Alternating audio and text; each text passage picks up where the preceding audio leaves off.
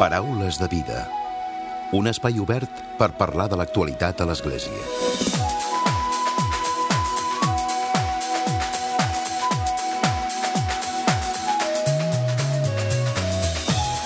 Què tal? Salutacions i molt bon dia, molt bon diumenge. Fragment editorial acaba de publicar els exercicis espirituals d'Ignasi de Loyola, el fundador de la Companyia de Jesús. És un text de referència per l'aprofundiment espiritual dins de la tradició cristiana.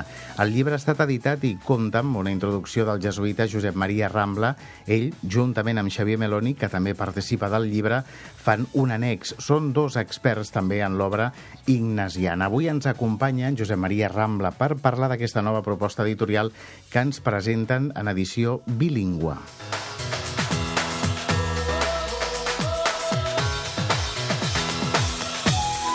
I un altre dels temes que abordarem avui és la celebració dels 50 anys de Justícia i Pau. Els seus responsables han començat aquest 2018 organitzant diferents activitats per commemorar el mig segle de defensa dels drets humans. Al febrer es va fer un acte en què van participar diferents autoritats polítiques i socials del país i també persones que al llarg d'aquests anys han passat per Justícia i Pau. I des d'aquest dijous es pot veure també una exposició itinerant sobre la història de Justícia i Pau. Els actes dels 50 anys s'acabaran a finals de setembre amb la celebració de l'Assemblea de Justícia i Pau d'Europa a Barcelona. Avui en parlarem, ho farem amb l'Eduard Ibáñez, que és el director de Justícia i Pau.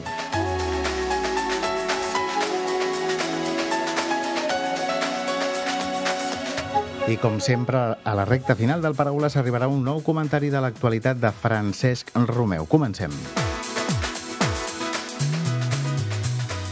Paraules de vida. Josep Maria Rambla, bon dia i benvingut. Bon dia. Tenim aquí els exercicis espirituals. És una edició bilingüe. Sí. I, el, I que, el que ens permet és conèixer com era Ignasi de Loyola, el fundador dels jesuïtes.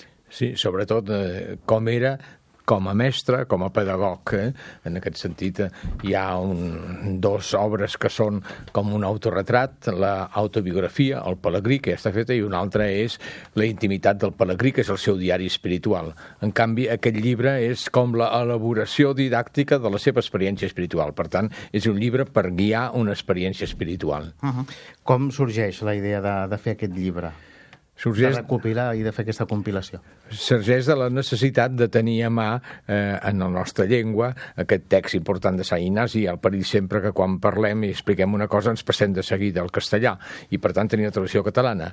Però ja se n'havia fet una darrerament, als anys 90, de catalana, i aquesta és la reedició, però la novetat d'aquesta edició és que tenim davant de la vista el text original castellà i el català, amb el qual permet fer aquestes comprovacions tan importants de dir però això es diu així, o jo ho traduiria d'una altra manera, o tornar al castellà, i per tant aquesta originalitat és de tenir-ho amb la nostra llengua eh, catalana, però al mateix temps poder-ho contrastar i il·luminar amb la castellana. Uh -huh. A part d'això, hi ha la introducció llarga i notes que he fet jo mateix, i aquest apèndix que són com una mena de reflexes o de ressonàncies de l'article de Xavier Meloni i el de Roland Barthes, un des del punt de vista de l'espiritualitat i de la mística cristiana i l'altre com un estructuralista, un, un semiòtic, que estudia des de la cultura literària el text dels exercicis. Uh -huh.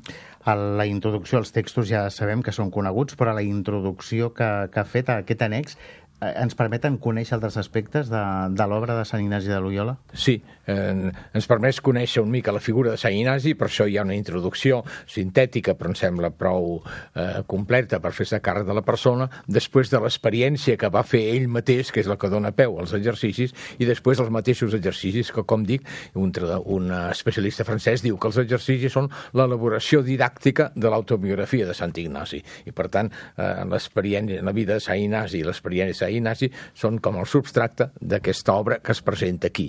Es presenta per la senzilla raó que el llibre dels exercicis és el llibre del mestre és un llibre mm, que ha de tenir la persona que guia els exercicis per adaptar-la a la persona. I, per tant, difícilment una persona amb el llibre davant s'hi aclara Per això és important haver-hi fet una introducció i unes notes. Sant Ignasi, la primera edició, que es va fer el 1548, se la va guardar tota la... no a la butxaca, però se la va guardar ell, i només la donava al llibre a aquelles persones que ben fet exercicis anaven acompanyant altres persones. 500 exemplars, dels quals en conserven en aquest moment uns 4 o 5 localitzats en el món. Era potser un llibre més per entesos, i ara aquest potser està obert a, més, a un públic més ampli, no? En aquest sentit, sí. I sobretot una altra cosa, s'obre també el món de la cultura, eh? és a dir, que no solament una persona o creient o que tracta dels problemes de vida espiritual, però com que és un llibre clàssic, és molt interessant que es publica dins d'aquesta sèrie eh, de, de publicacions de sagrats i clàssics de la llista Fragmenta. Per tant, Sant Ignasi eh, acompanya altres autors de diverses tradicions i en aquest sentit és una obra interessant des del punt de vista cultural. Com s'ha fet eh, també la coordinació de feina amb Xavier Meloni? Amb Xavier Meloni, eh, més que la coordinació immediata, és la mediata, és a dir, és una persona que ens coneixem des de fa molts anys, posem-ne 30 i tants anys. Que I tots dos experts en l'obra de Sant Ignasi Exacte, de Loyola. i ens portem molts anys d'edat de, de, i en aquest sentit hi ha una gran amistat i una gran coincidència en això. Tots eh, persones que tenim un tractament diferent dels temes, però en aquest sentit és, una, és un plaer eh, que pugui figurar el meu nom al costat de Xavier Meloni, un gran amic i una persona realment d'una autoritat notable. Uh -huh. I com dèiem també aquest text de Roland Barthes. El Roland Barthes, sí. Aquest text interessant, és interessant eh, perquè obre una perspectiva. Els exercicis són un ajut, com deia, una pedagogia espiritual, però com a pedagogia té moltes lectures. Primer, una lectura humanista. Per tant, és una pedagogia de l'educació de la persona. I així, per això va donar origen a aquests exercicis a la pedagogia dels jesuïtes. Els primers jesuïtes que l'any 1548 creen un col·legi obert ja no a jesuïtes sinó a seglars, tenien el, eh, portava damunt només l'experiència dels exercicis. És una experiència d'acompanyament humà, eh? la, la, la, la cura de la, de la persona. Però al mateix temps és un llibre que es pot llegir des del punt de vista psicològic hi ha Carl Jaspers, un filòsof i psiquiatre, deia que era l'obra de psicologia de més categoria que coneixia, feta per un no professional, no, un no professional de psicologia. Però el que fa Roland Barthes l'agafa des de l'estructuralisme i comença a veure l'anàlisi d'aquest text.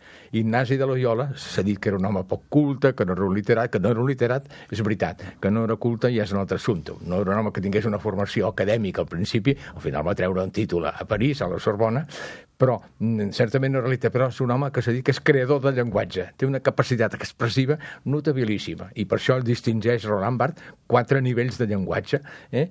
el que diu el llibre, el que la persona que dona exercicis ha de comunicar a qui els fa, l'experiència que fa aquesta persona i després l'experiència espiritual que es realitza. I, per tant, eh, s'ha arribat a dir que és fundador del llenguatge. De fet, els llibres, el, el text que hi ha en aquest llibre són, eh, com dèiem a la portada, no? per aquest aprofundiment espiritual, no? Sí. Ara, en aquest sentit, també espiritual, eh, no pensem que necessàriament és un aprofundiment espiritual per eh, viure al, al marge del món, sinó tot el contrari. La gràcia dels exercicis és que elaboren eh, millor, ajuden a que la persona faci exercicis. L'important són les pràctiques. I aquestes pràctiques ajuden a que aquella persona vagi elaborant una maduresa afectiva, vagi ser una persona més lliure, que no sigui dependent d'ambients, de situacions que el condicionen, de que fet, sigui una persona que arreli més en les seves circumstàncies, per tant és viure. Els exercicis acaben dient que es tracta d'estimar i servir en tota situació, sigui una persona, una mare de família, sigui un capellà, sigui un, un polític, sigui un mestre, etc. Cada persona en la seva situació, que sigui una persona apta per viure en la seva vida estimant i fent-la un acte de solidaritat. Clar, de fet, també quan se'ns presenten, no? es diu així també des de l'editorial, quan es presenten els dilemes no? que tenim a la vida, no? Clar, sí. Que ens ajuden sí, els textos. Sí, sí, sí. I Gus Ignasi de Loyola, no figura aquí, però entre alguns escrits complementaris que se'ns recorden, de, que es guarden d'ell, deia que la persona ideal per fer exercicis era la persona, deia ell, ambigua. Ambigua què vol dir? Que es troba davant d'això, d'una cruïlla. La persona que ha de prendre decisions, eh? perquè les ha de prendre ell, però les has de prendre des de la teva llibertat, des d'uns paradigmes humans que tinguin sentit, etc. I t'ajuda això. Quin és el sentit de la meva vida? Com alliberar-me de coses que em condicionen? Com viure apassionadament allò que, de, eh, que vull fer? I en aquest sentit, eh, els exercicis són un exercici per ajudar a viure humanament. Uh -huh. Per tant, diguéssim que el públic mm, al qual es destina aquest llibre és molt ampli, no? És molt ampli, és no molt sé si ampli. avui dia, en l'actualitat, encara que no sigui la gent creient, però sí que hi ha aquesta necessitat, no?, de Sí. buscar aquesta espiritualitat.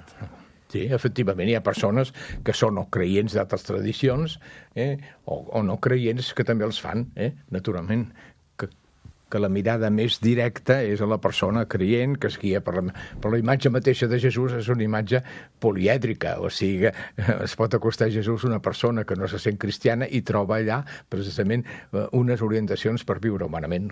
Posem el cas de Gandhi, no? que tenia els evangelis a la butxaca no? i, i, i t'ajudava molt. Una altra cosa eren els cristians, però l'evangeli sí que, que el movia i que li interessava. I que la matèria dels exercicis és la vida de Jesús, la seva passió, la seva resurrecció i també eh, el misteri de la presència de Jesús per l'esperit. I, per tant, la referència a Jesús és bàsica en els exercicis. Uh -huh. Un llibre que des d'aquí, des del Paraules de Vida, recomanem, Els exercicis espirituals d'Ignasi de Loyola, un llibre editat per Fragment Editorial, amb textos també de Xavier Meloni, de Josep Maria Rambla, que ha fet tota la coordinació de, del llibre. Sí, en voldria subratllar sí? que, mirant al darrere, és coedició, és fragmenta i cristianisme i justícia. I cristianisme i justícia, cert. Que també és indicatiu que a cristianisme i justícia se preocupa molt l'espiritualitat, que no hi ha un cristianisme i justícia sense una profunditat espiritual. I al revés, no hi ha espiritualitat que no busqui una solidaritat en el món. Josep Maria Rambla, gràcies avui per haver-nos acompanyat. Encantat i moltes gràcies. Paraules de vida. Solidaritat i compromís. I ho dèiem a la portada, ens acompanya a la segona part del Paraules de Vida l'Eduard Ibáñez, ell és el director de Justícia i Pau. Eduard, bon dia i benvinguts. Hola, bon dia, què tal? Parlarem en els següents minuts dels 50 anys de Justícia i Pau. De fet, des d'aquesta passada setmana hi ha una exposició itinerant en marxa, oi? Doncs sí, justament des del dia 5 i durarà fins al dia 26 d'abril a la Casa Elisalde del carrer València de Barcelona i sí, una exposició que volem, volem fer memòria d'aquests 50 anys de justícia i pau. De fet, els actes van començar al febrer, oi? Diferents sí, actes per commemorar. Sí, vam començar una celebració el dia 24 de febrer, que va ser molt emotiva, amb la participació de més de 200 persones, amb una Eucaristia que va presidir el bisbe Joan Enric Vives i el bisbe Sergi Gordo, i bé, vam aplegar allà militants de totes les generacions i de totes les èpoques d'aquests 50 anys, i va ser, va ser molt bonic, amb un dinar en el que va també venir-nos a saludar l'alcaldessa de Barcelona, i bé, va ser un moment, diguéssim, d'arrencada d'aquestes celebracions. Ara estem en el moment de l'exposició, que és una exposició que circularà després per, per tot Catalunya, això és el que, el que volem, que pugui ser vista doncs, en diferents eh, parròquies, entitats, etc. I la cluenda serà el mes de setembre perquè Justícia i Pau de Barcelona acollirà la trobada europea anual de Justícia i Pau d'Europa, que és una trobada doncs, que fem cada any les 30 comissions de Justícia i Pau que hi ha a tota Europa i que doncs, un cop a l'any doncs, ens, ens trobem per, per tractar diferents qüestions i hem ofert doncs, Barcelona justament doncs, amb motiu d'aquest 50è aniversari. Uh -huh. Hi ha moltes entitats i organitzacions que treballen en defensa dels drets humans, però Justícia i Pau, de quina manera ho fa, Eduard? El nostre és la sensibilització, l'educació, la conscienciació, eh, la pressió política o, o incidència sobre els poders públics i els poders fàctics, per dir-ho així, des de la nostra perspectiva, que és la perspectiva cristiana, la de l'Evangeli, la de la doctrina social de l'Església, que és de la, de la que sorgim, que és la nostra orientació, el nostre, el nostre referent, no? I en particular en aquests moments doncs, el discurs del papa Francesc, que és tan, tan inspirador i tan, tan il·luminador i alhora tan, tan crític. Aquesta és la nostra aportació específica com a cristians, però ho fem, evidentment, doncs, compartint la nostra tasca amb, amb moltíssimes altres organitzacions, tant d'Església, d'altres confessions i també, evidentment, d'entitats civils no confessionals amb les quals treballem de, de tota la vida, no? Eh, però, en fi, des, sempre des d'aquesta nostra aportació específica cristiana. Uh -huh. 50 anys es diu molt ràpid, però són molts anys. Com, com ha evolucionat Justícia i Pau? Bé, doncs, eh, en fi, podrien dir-se moltes coses, però, esclar, ha canviat moltíssim, oi, el panorama. Quan comença Justícia i Pau, doncs estem en plena dictadura, i en aquell moment, doncs, eh, era el moment de demanar, de demanar la transformació del país cap a una democràcia, i era el moment de defensar els drets humans davant d'uns poders eh, fàctics públics i fàctics autoritaris i arbitraris, no? Aquells anys, per exemple, doncs, van ser campanyes contra la tortura, que, es, que, es, mm, que tenia lloc a les comissaries de policia, contra la pena de mort, per demanar l'amnistia. Van ser uns anys molt durs perquè els membres de Justícia i Pau van ser processats pel Tribunal d'Ordre Públic, per exemple, doncs, per denunciar que les comissaries de policia es torturava. No? Van ser processats i els hi demanava dos anys de presó, perquè us feu una idea d'en quin moment doncs, es va començar eh, el nostre treball, o amb vigilància, es vigilava els membres de Justícia i Pau. Eh? El primer conciliari de Justícia i Pau sempre explicava doncs, que ell es veia mm, seguit per la policia. Doncs ja us podeu imaginar quina duresa. Després ja, els, eh, un cop arribada la democràcia, va canviar molt, no? I va canviar molt en molts sentits, perquè va ser un moment en què doncs, a Catalunya eh, van néixer moltíssimes organitzacions i ONGs de defensa dels drets humans, de la cooperació al desenvolupament, i aleshores doncs, el treball és diferent, és un treball també d'intentar aglutinar les diferents iniciatives ciutadanes, un treball d'intentar posar el focus ja no tant sobre Espanya o Catalunya, sinó també a nivell mundial, amb la famosíssima campanya en favor del 0,7% eh, a favor del, del desenvolupament, no? que va ser la primera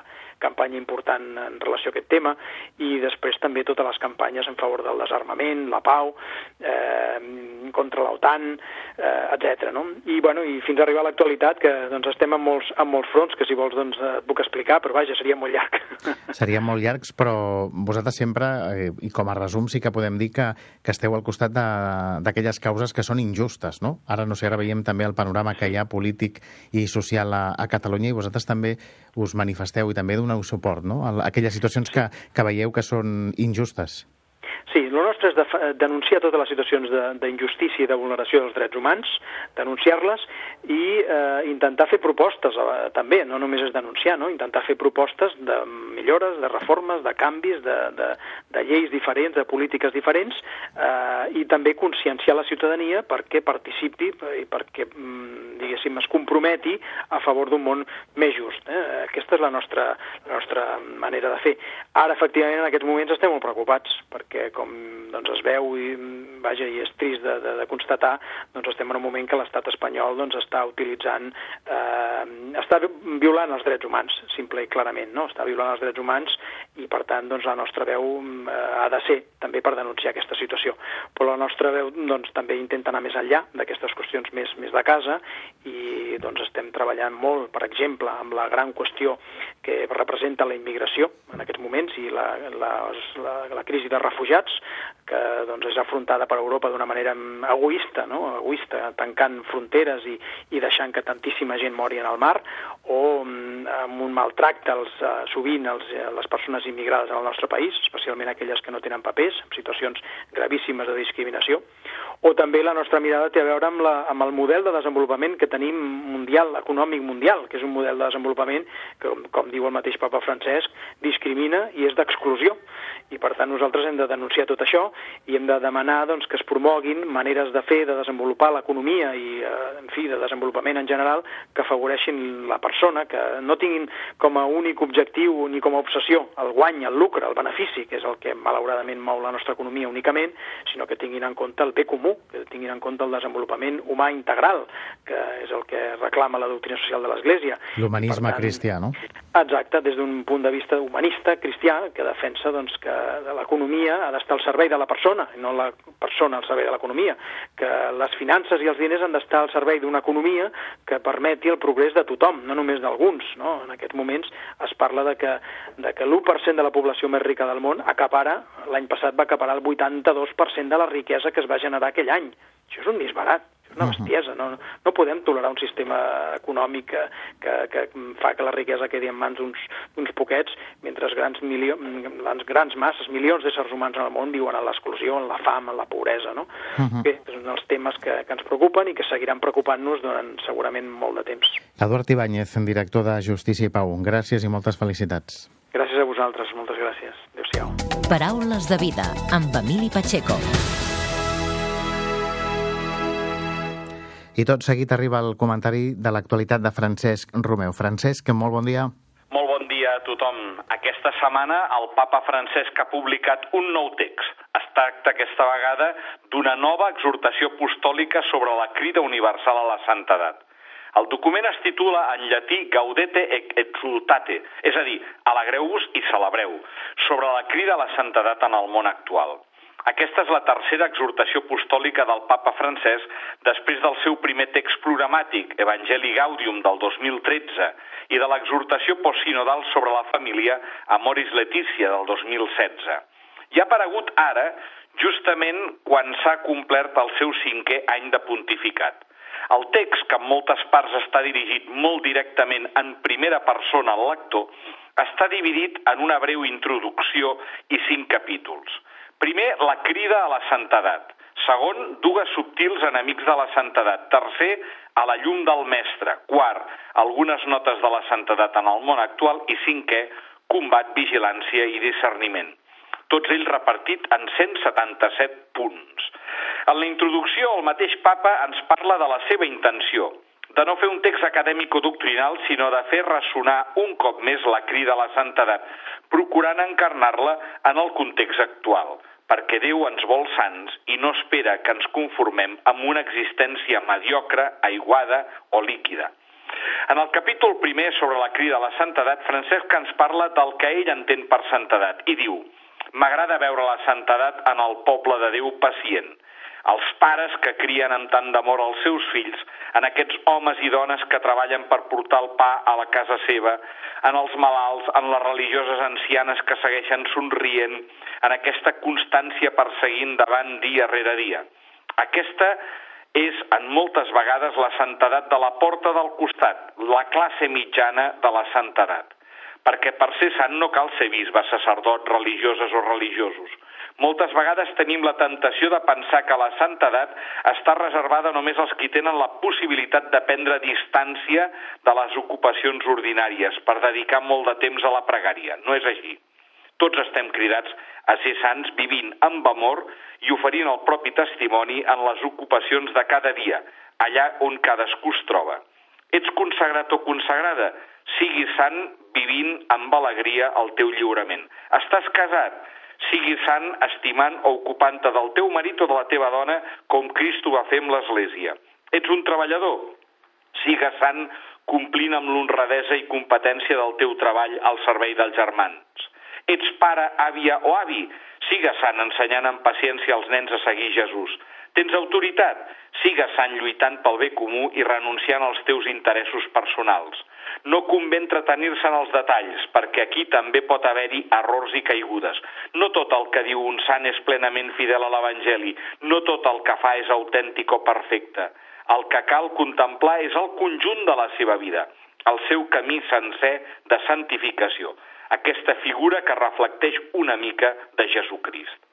En el capítol segon el papa alerta de dos perills antics, dos subtils enemics de la santedat, però també molt actuals, que corresponen a dues heretgies.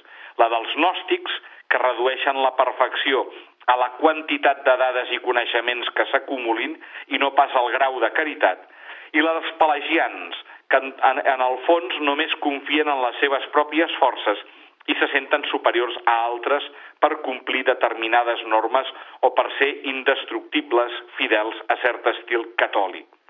En el capítol tercer, titulat A la llum del mestre, el papa fa un detingut estudi de la proposta de santedat que ens fa Jesús en les benaurances. I es va repetint que ser pobre en el cor reaccionar amb humil mansuetud, saber plorar amb els altres, buscar la justícia amb fam i set, mirar i actuar amb misericòrdia, mantenir el cor net de tot el que ataca l'amor, sembrar pau al nostre voltant i acceptar cada dia el camí de l'Evangeli encara que ens porti problemes, això és santedat. El capítol quart és el més propositiu i Francesc ens predisposa amb cinc actituds que ens condueixen a la santedat. Primer, la de la resistència, la paciència i la mansuetud per suportar les contrarietats, els trasbalsos de la vida i també les agressions dels altres, les seves infidelitats i defectes. En segon lloc, com només pot ser en el papa Francesc, ens proposa l'alegria i el bon sentit de l'humor. En tercer lloc, l'audàcia i el fervor, viscuts en quart lloc en comunitat i en cinquè lloc amb un esperit de pregària constant. Molt bon diumenge a tothom!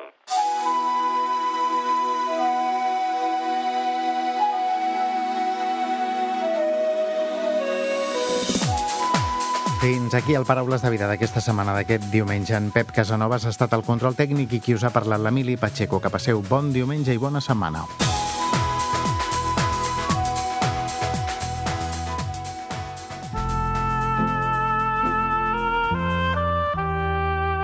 Us oferim la carta dominical de l'arcabisbe de Barcelona, Joan Josep Omella.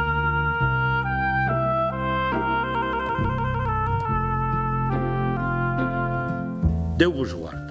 El proper diumenge, 22 d'abril, a les 5 de la tarda a la Basílica de Santa Maria del Mar, s'iniciarà una nova etapa a l'Arxidiòcesi de Barcelona. D'aquí a una setmana presentarem el nou Pla Pastoral Orientacions i Propostes per a una conversió pastoral a l'Arxidiòcesi de Barcelona. Tots sou convidats a participar en aquest acte. Aquest document s'ha preparat amb la col·laboració de moltes persones, fruit de la trobada que vam celebrar a la Basílica de Santa Maria del Mar quan es clausurava l'any de la misericòrdia. Va ser un punt de partida del camí que ens ha portat fins aquí. Durant uns mesos hem reflexionat, hem pregat i hem dialogat per tal d'esbrinar què diu l'esperit a l'Església de Barcelona. Ara, tenint en compte les nombroses aportacions rebudes, hem desenvolupat unes idees fonamentals amb propostes pastorals prioritàries que han d'orientar i promoure l'acció de l'Església a l'Arxidiòcesi de Barcelona els propers anys.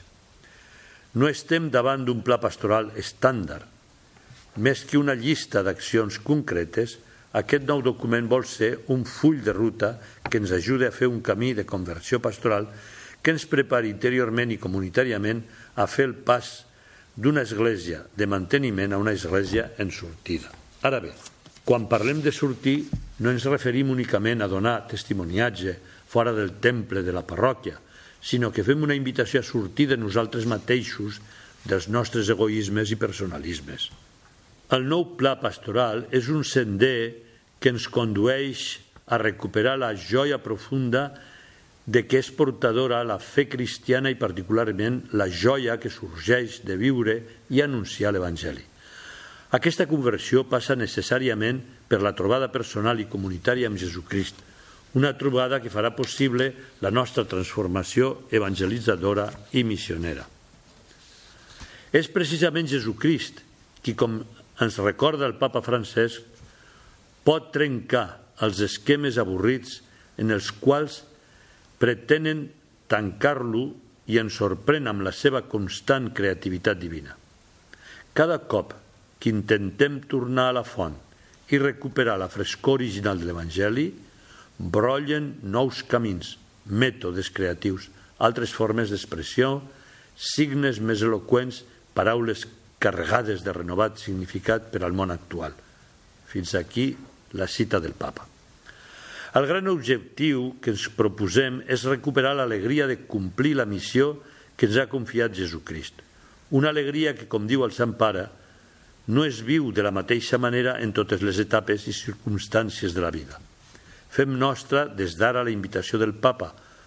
A poc a poc cal permetre que l'alegria de la fe comenci a despertar-se com una secreta però ferma confiança fins i tot enmig de les pitjors angoixes, diu el papa. Us convido a viure amb passió i entusiasme l'actual canvi d'època en una societat més diversa i complexa. En el fons, se'ns demana ser sants per respondre als reptes d'aquesta nova realitat. És a dir, se'ns demana viure units a Jesucrist deixant-nos guiar com ell per l'Esperit Sant, com deia el filòsof Henry Bergson.